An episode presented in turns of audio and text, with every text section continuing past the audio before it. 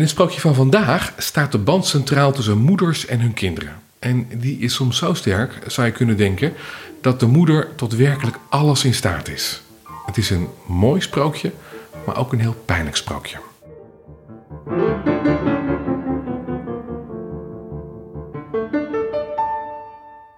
Kees Schilhoed, welkom. Los van alle retoriek en romantiek. Zou jij je eigen leven geven voor dat van je kinderen? Oei.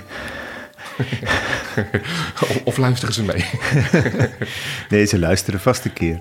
Uh, ik, ik, uh, dat is een moeilijke vraag. Sinds ik kinderen heb, uh, dus ik ontwijk het antwoord op de vraag, als je het goed vindt. Ik merk wel, voordat ik kinderen had, leefde ik en was ik heel vaak een beetje ongericht. En waren er heel veel dingen die ik niet durfde en daardoor ook vermeed. Vanaf het moment dat ik kinderen had, waren diezelfde dingen er nog die ik spannend vond. Waarvan ik dacht, nou ja, moet ik dat nou wel doen? Maar vanwege mijn kinderen pakte ik gewoon door, want het moest.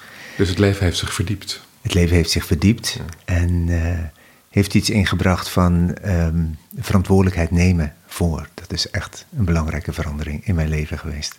Mooi. Je gaat een verhaal voorlezen wat heel oud is en wat jij hebt opgepikt bij Daniel Morden. Ja. Eh, die heeft daar ook allerlei dingen over gezegd. Ja. Uh, het gaat over de vrouw die haar kind verloor. Ja, dat klopt. Ja. Het, het verhaal speelt zich af in Schotland, aan de kust. En daar had het weer eens vreselijk gestormd en hard geregend. Maar toch gingen de volgende dag twee vissers weer uh, de zee op. Want ze moesten wel. Ze moesten magen vullen. Ze moesten vis vangen voor hun familie. En ze waren nog maar net op zee toen een van hen, Jack, zei: Tom, moet je daar eens kijken. Volgens mij ligt daar iemand. Op de rots. En Tom zei: Nee, joh, doe niet zo gek. Dat is een zeehond. Kan niet, zei Jack. Dit kan geen zeehond zijn, die komen niet zo hoog. Kom, we moeten daarheen om te kijken of we die persoon kunnen helpen. Maar Tom zei: Nee, dat kan niet, man. Dat is veel te gevaarlijk. We gaan toch niet ons eigen leven riskeren? Jack hield vol. Jack zei: Ik ga niet vanavond thuiskomen en daar lekker zitten eten. Met het idee dat ik misschien iemand had moeten helpen, maar dat niet heb gedaan.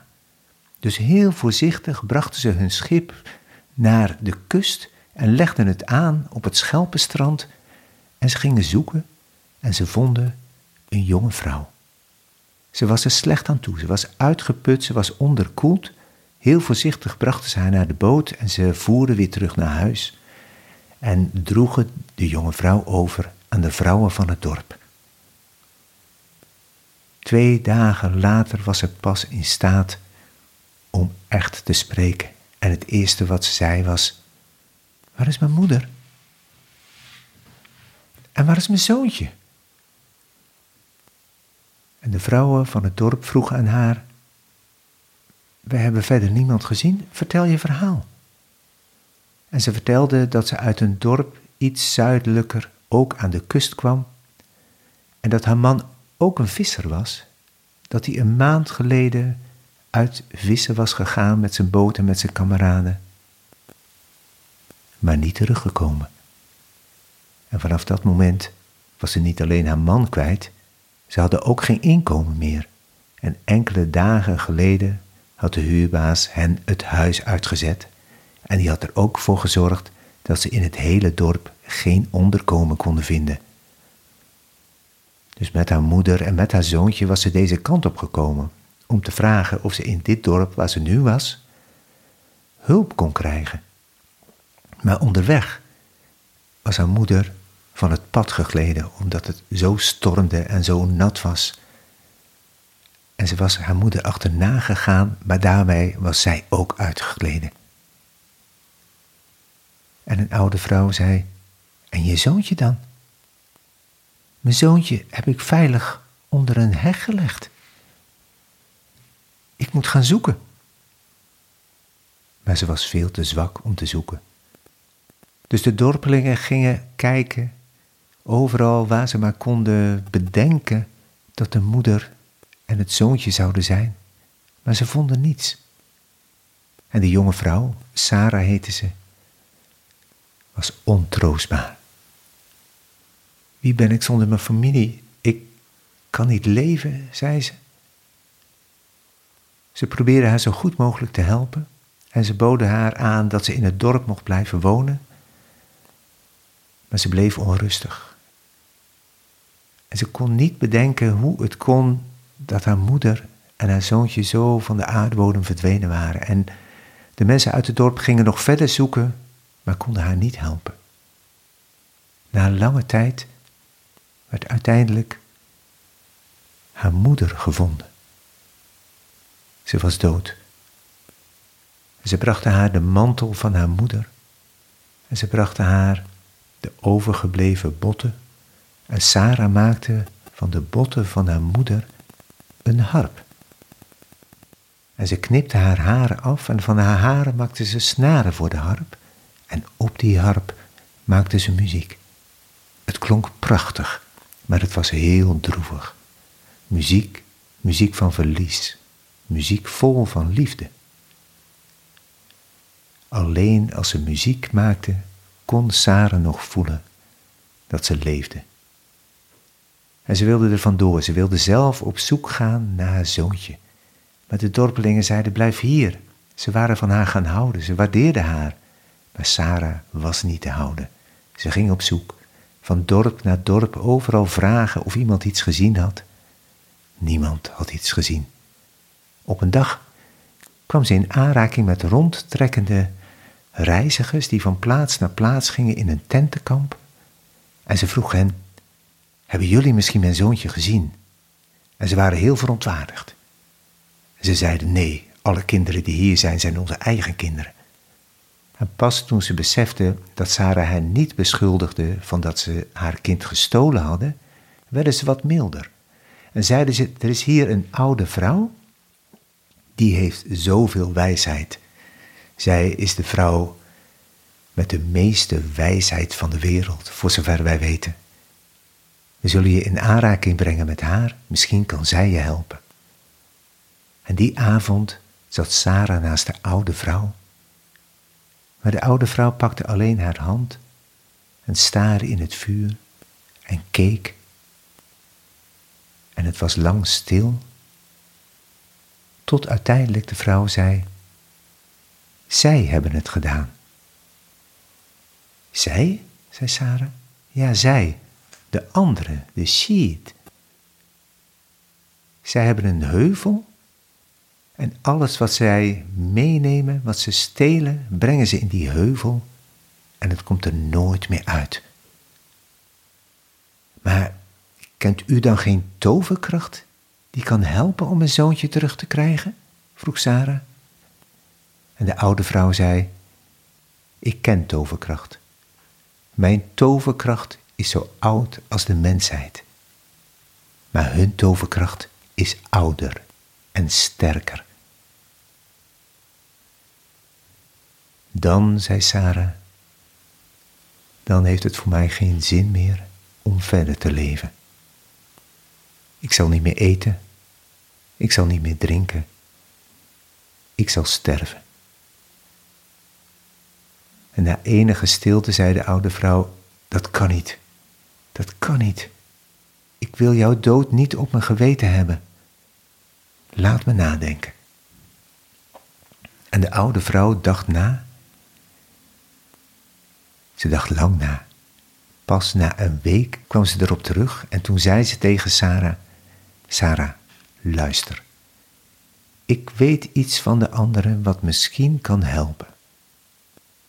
Je kunt de anderen overhalen om jou iets te geven als je hen iets kunt geven dat zijn gelijke niet heeft op deze hele wereld, iets unieks. Is dat misschien iets wat jou zou kunnen helpen. Maar wat moet ik ze dan geven, zei Sarah. Dat moet je zelf bedenken. Maar je moet weten, de anderen kunnen zelf niets maken. Alles wat ze hebben, hebben ze gestolen of hebben ze geruild of hebben ze bij elkaar gebedeld. En ze zijn gek op unieke dingen. De reizigers trokken verder en Sarah bleef En ze probeerde na te denken, maar ze kon eigenlijk niet goed denken. Wel kon ze muziek maken. En ze maakte met haar harp de droevige muziek, de mooie muziek vol liefde en verdriet. En die muziek die maakte zoveel indruk op de bomen, dat die als tranen hun bladeren, hun kleurrijke herfstbladeren lieten vallen voor de voeten van Sarah. En haar muziek drong zo door tot de vogels, dat die geraakt waren door de muziek en bij Sarah kwamen en hun kleurrijke veren uittrokken en die aan haar voeten legden. En van die prachtige kleurrijke bladeren en die mooie veren maakte Sarah een mantel. En die mantel die trok ze aan en zo met haar harp, de enige in het leven in wie ze vertrouwen had, ging ze op zoek. En ze ging over brede wegen en ze ging over smalle wegen. En ze ging over rechte wegen en over kronkelwegen. En ze reisde bij dag en ze reisde bij nacht. Totdat, ze wist niet hoe het kon, ze bij een heuvel kwam. En daar zag ze de anderen. Ze waren lang. Ze hadden bleke gezichten. Ze waren elegant en mooi en ze dacht duidelijk, het zijn geen mensen. Ze zag de een na de ander door een smalle ingang in een beboste heuvel verdwijnen. En toen er al heel lang geen anderen meer gekomen waren, toen vatte Sarah de moed op om hen achterna te gaan. En ze ging door de smalle ingang naar binnen en door een blijkbaar smalle gang, waar het pikdonker was, liep ze verder. Ze hoorde alleen het bonzen van haar hart. En ze zag niets. En ze liep door. Met haar vingers voelde ze langs de kant hoe ze moest gaan, totdat ze in de verte een heel klein licht zag. Daar wilde ze heen. Al durfde ze ook niet. Voorzichtig ging ze verder en toen zag ze in een grote ruimte de anderen. Rondom een vuur met vlammen van zilver. Ze waren aan het feesten en in de verte aan de andere kant van de ruimte zag ze de koning van de anderen. Een knappe man om te zien met een gezicht zo bleek als de maan. Bevend stapte ze naar binnen. En de anderen keken om en ze zagen haar. En de koning zei: Wat moet jij hier? Wat wil jij? En Sarah tronk haar veelkleurige mantel uit en die legde ze voor haar voeten. En ze zei: Ik heb gehoord dat bij u een mensenkind is. Ik ben de moeder van dat kind. Ik wil u deze mantel aanbieden in ruil voor mijn kind. De koning keek naar de mantel en alle anderen kwamen om haar heen staan en ze keken bewonderend en begeerig naar die mantel. Maar de koning wees op de harp en zei, wat is dat? Dit is een harp. Hierop maak ik muziek. Speel, zei de koning. En Sarah pakte de harp en ze speelde en ze zag dat de koning helemaal meeging in de muziek in de droevige muziek waarin liefde en verdriet en verlies dooreenklonk. En de koning zei, je kunt het kind krijgen voor de mantel en de harp. Alleen voor de mantel, zei Sarah. De harp is het enige wat nog verbinding geeft met mijn moeder. De harp is te kostbaar. Kostbaarder dan je kind? Niets is kostbaarder dan mijn kind. En de koning gaf een wenk en de zoon, het zoontje van Sarah werd opgehaald. En Sarah wilde hem omhelzen, maar de koning zei nee. Eerst de harp, eerst het kind, zei Sarah. En ze liep op haar kind toe en omhelsde het. En de koning liet de harp bij hem brengen. En hij begon erop te spelen. En niet dat hij nu muzikaal zo begaafd was, maar de harp speelde uit zichzelf. En zulke wonderlijk mooie muziek. Dat terwijl de harp speelde, de hele aandacht voor Sarah en haar kind weg was bij de anderen. En Sarah verliet die plaats en door die lange, donkere gang ging ze weer naar buiten. En ze ging naar het dorp waar ze eerst opgevangen was. En daar leefde ze tot het eind van haar leven. Dat is nog een betrekkelijk vrolijk eind, of een betrekkelijk mooi eind. Zeker, het loopt goed af, zou je kunnen zeggen. Terwijl je, dat het... terwijl je dat niet helemaal ziet aankomen. Zo Nee.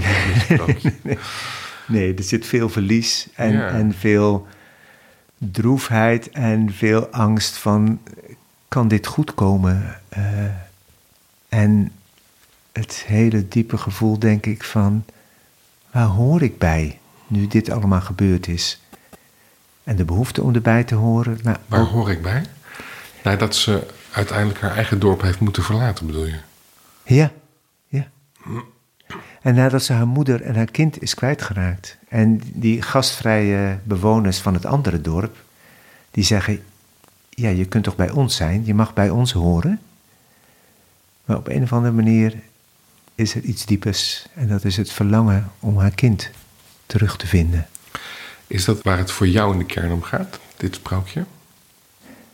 Eh, ja, al nadenkende wel. Al was ik aanvankelijk ook erg getroffen door die hele mysterieuze sfeer. Eh, dat is eigenlijk waar ik eerst op viel, zou je kunnen zeggen. Wat, wat mij eerst raakte. Maar wat mij bezig bleef houden was wel de, de hardnekkigheid en, en de diepte van haar verlangen. eh, en de kracht waarmee ze, ondanks raadgevingen van anderen, toch steeds contact bleef maken met de diepte van haar verlangen om haar kind weer terug te vinden. Vind je dat een mooie beweging? Dat vind ik een hele mooie beweging, ja. ja. Is het ook een gezonde beweging? Want ze lijkt daar ook aan onderdoor te gaan. Ja, het lijkt een beetje een onontkoombare beweging voor mij. Of het nu gezond is of niet. Van. Ze lijdt, ja. En ze lijdt zodanig dat ze... ehm, dat ze, ze moet iets met dat gemis. En dat zet haar in beweging. En eh, dat leidt tot daden die heel vergaand zijn, maar ook een wonderlijke creativiteit. Hè? De, Veel sprookjes zijn geschreven in andere eeuwen. Ja. En dat waren eeuwen, ik weet niet of dat, of dat hier ook zo geldt, mogelijk wel. Dat waren eeuwen waarin eh, je wist als vrouw of als stel, maar vooral als vrouw, als ik twee kinderen op de wereld zet, dan verlies ik er eentje, minimaal. En, soms, en sommige stellen die verloren ook twee op de drie of drie op de vier kinderen. ja, En dus je wist dat verlies van een kind er gewoon bij hoorde. ja, Dus in die zin vind ik het ook, eh, komt het me ook wat romantisch over. ja, ja, ja. Wat geïdealiseerd. Maar wij weten niet hoe diep het verlies in die tijd gevoeld werd. Hè? Van wij weten het was een realiteit van dat die kans er was. Maar misschien waren die mensen ook wel heel verdrietig daarover. Ik, ik weet dat mijn overgrootouders, maar dan hebben we het over het jaar 1900 ongeveer, ehm, vijf kinderen grootgebracht hebben en zes kinderen jong verloren hebben. Maar ik weet ook toevallig dat, dat het verlies van zo'n kind hen heel diep raakte. Dus misschien stap ik daar wat snel overheen. Als in dat het was gewoon de realiteit. Het- ja, het was de realiteit, maar het was denk ik ook wel een hele droevige realiteit. Is het, een, is het in die zin een. een, een eh, want er zit ook vaak een les in sprookjes of iets nastrevenswaardig. Ja, Is het voor jou dat zo moet je zijn of zo moet je juist niet zijn? Wat haal jij eruit? ja, ja. Nou, voor mij persoonlijk, ik, ik zei al iets over ehm, de ongerichtheid die ik in mijn leven kon hebben voordat ik kinderen had. Hmm. Eh, is het wel dat ik een soort met van bewondering en verwondering van waar haal je deze motivatie en deze, dit doorzettingsvermogen vandaan? Eh, dus Is de band, jij bent, jij bent vader. ja, Is de band van vaders met hun kinderen net zo diep als de band van moeders met hun kinderen? Ehm, ik weet niet of dat voor iedereen geldt, maar ik, eh, ik ervaar hem wel als heel diep. Ja, Ja. ja, Ik heb wel begrepen dat de band van moeders oneindig veel dieper is ja. met hun kinderen dan, dan wij mannen. Dan van, Ja, ja, ja, ja. Ook dat als mannen op het dat als mannen stervend zijn op het slagveld, dan roepen ze om hun moeder, niet om hun vader. Ja, ja, ja, oké. Eh, ja, dat zou kunnen. Ik, ik hoorde pas zelfs iets van, ja, kinderen komen uit hun moeder fysiek. Dat is logisch verder. Ja, ja, dus dat, dat, dat is een heel andere verbondenheid nog dan wat je als man met je kinderen kunt hebben. Zelf denk ik eerlijk gezegd dat het ook uitmaakt van hoe vanaf het begin af aan het samen zijn is. Hè? Hanna, mijn vrouw en ik, hebben vanaf het begin af aan bedacht dat wij samen voor onze kinderen gingen zorgen. Ongeveer 50-50. Eh, dus ik heb vanaf het begin af aan heb ik werkdagen gehad en eh, zorgdagen. Wat Die- in de tijd dat jij ze grootbracht wat minder gebruikelijk was dan nu. Ja, Ja? ja, ja. Dat, dat waren intensieve dagen altijd. Hè. Ik, ik had het gevoel van. eh, als ik op mijn werk was, had ik meer het gevoel dat ik iets verricht had. terwijl als ik thuis was, had ik net zo hard gewerkt. Maar het heeft mij denk ik ook wel heel veel gegeven in eh, het, het eh, intensieve contact met de kinderen. En ik denk dat dat, ja, ik hoop dat dat ook meewerkt in eh, de diepte van de band die we hebben. Ik weet niet of dat zo is, maar Ik vind het een heel mooi verhaal. Echt, ik vind het een prachtig verhaal. Maar yes. ik neem, ik bedoel, ik neem daarin ook mezelf mee en ik neem daarin ook.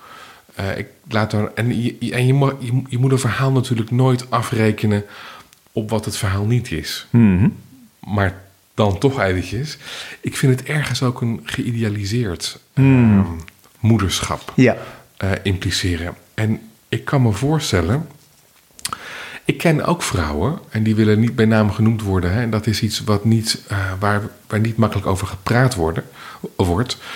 Eh, vrouwen die eh, een kind hebben, of soms meerdere kinderen, die zeggen: Nou, als ik dit achteraf zo geweten had, dan weet ik niet of ik dit had gewild en of ik dit had gedaan, of ik het nog een keer zou doen. ja, ja, Ehm, dus dat kan het ook juist schuldgevoel opleveren. En Ja. sommige mensen die hebben ook.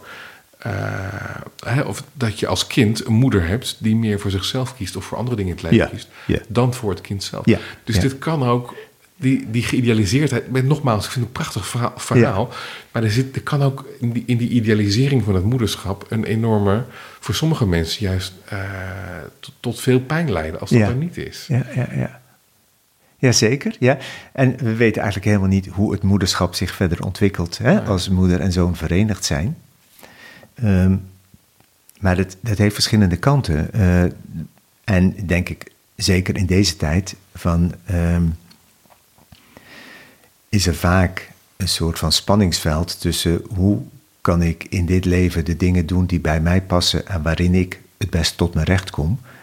Eh, en dat is ook vaak professioneel of op, hè, op andere gebieden. Je leven als dus- kunstwerk. Ja. ja. En voor sommige mensen is dat het ouderschap, dat kan. Ja. Maar voor sommige mensen ook niet. Nee, Ja. nee. Nee, dus in, in die zin moet je. eh, maar het is denk ik toch dat heel veel sprookjes één aspect uitlichten. Ja, ja, en en ja. moet je dit niet zien van. eh, het, het ouderschap is alles. En ik heb het ook wel gevoeld vanuit haar. Van, ze heeft zich zo alleen gevoeld. In, in hele korte tijd zijn zowel haar man, haar moeder als haar kind weggevallen. En dat is gewoon in alle gevallen een hele existentiële crisis. Van wie, wie ben ik zonder de mensen om mij heen? Ehm, En haar dorp. Dus haar dorp, Ja. haar man. haar ja, ze is weggestuurd uit het dorp. kind. Ja, ja. In die zin vind ik het ook mooi dat die mensen uit dat dorp waar ze dan opgevangen wordt, ja, die, die ontwikkelen toch sympathie voor haar en die Dus heten haar welkom. ja, dus die zien haar voor wie ze is. Ja, ja. Een, En- rouwe, een rouwende vrouw, maar met al haar kwaliteiten en al haar... Dat is ja. mooi. Ja, en ik vind het ook mooi dat ze daar dan toch heen teruggaat en daar blijkbaar haar plek weer vindt. Er Ja, is nog één ding wat me triggert. Ja. Eh, in die heuvel, ja, daar, daar leeft dus een volk. ja. En die heten... Ah, oh, de sheets. Nee, sorry. Die heten de anderen. De anderen, ja? Ja. Ja, De anderen, de ja. anderen. Ja. En dat, dat, dat triggert me ergens nog. Want ja, de, Ja? de ander met hoofdletters, wat, wat moeten we hier nou voor betekenis aan geven? Ja, dat weet ik ook niet. Van, eh, De anderen zijn de slechten of zo? Nee, de anderen zijn de anderen. Eh, d- ik, ik heb hier niet een samenhangend verhaal over. Ik, ik heb samen met eh, andere verhalenvertellers en met de muzikant de Mabinogi verteld. De Mabinogi verteld. Eh, dat is een heel oud verhaal uit Wales. eh, wat gaat over de mensen in deze wereld, zeg maar onze wereld, die nog toegang hebben tot mensen of wezens uit een andere wereld. Dat, zijn ook, dat is ook een soort van de andere. En al die verhalen gaan over onze eigen veilige wereld en die andere wereld die onbekend is, waar je jezelf dus verloren kunt voelen. Maar ook als mensen uit de andere wereld bij ons komen, dan zijn ze niet vanzelfsprekend welkom. Eh, ik moet eigenlijk een beetje denken aan het kleine dorpje waar ik als kind woonde. Dan waren notabene de mensen uit het nabijgelegen dorp waren de anderen. En daar zagen de mensen uit ons dorp veel eigenschappen die heel anders waren dan, dan wij die hadden. Dat kan toch niet hoe ze dat hier 10 kilometer vandaan doen? ja. Vreemd, anders. Ja. Andere woorden voor bepaalde dingen. Dus Maar jij suggereert nu dat het ook een andere wereld is, mogelijk. Dus ja, een, ja, een ja. onderwereld Ja, of een... ja. een, een Ja, ja. Dit, dit zijn geen mensen. Eh, en ehm, dat is volgens mij een beetje de angst voor het vreemde. Ja. Wat, wat Ja. vroeger speelde, wat eigenlijk denk ik nog steeds een beetje speelt. Eh, en die hierin ehm, ja, vormgegeven is, die, die ik ook heel erg herken in dat verhaal, eh, de Mabinogi. eh, eigenlijk, wij weten wat we aan elkaar hebben, maar eigenlijk is een, een volgend dorp is al vreemd of een, een plaats verderop. En dat levert angst op aan de ene kant, en aan de andere kant ook een soort behoefte om onze eigen identiteit duidelijk te maken. Ja. Dat zie ik erin. Dank je wel nog voor deze laatste kleine duiding. Oké, graag gedaan. En dank je wel voor het vertellen van dit prachtige verhaal. Dank je wel, Kees Schilhoed. Eh, en ook jij, dank je wel voor het luisteren naar eh, De vrouw die haar kind verloor in de Sprookjespodcast. In de Sprookjespodcast hoor je eh, elke aflevering een nieuw sprookje van over de hele wereld. Mijn naam is Basti Barancini en vandaag hoorde je verhalenverteller Kees Schilhoed.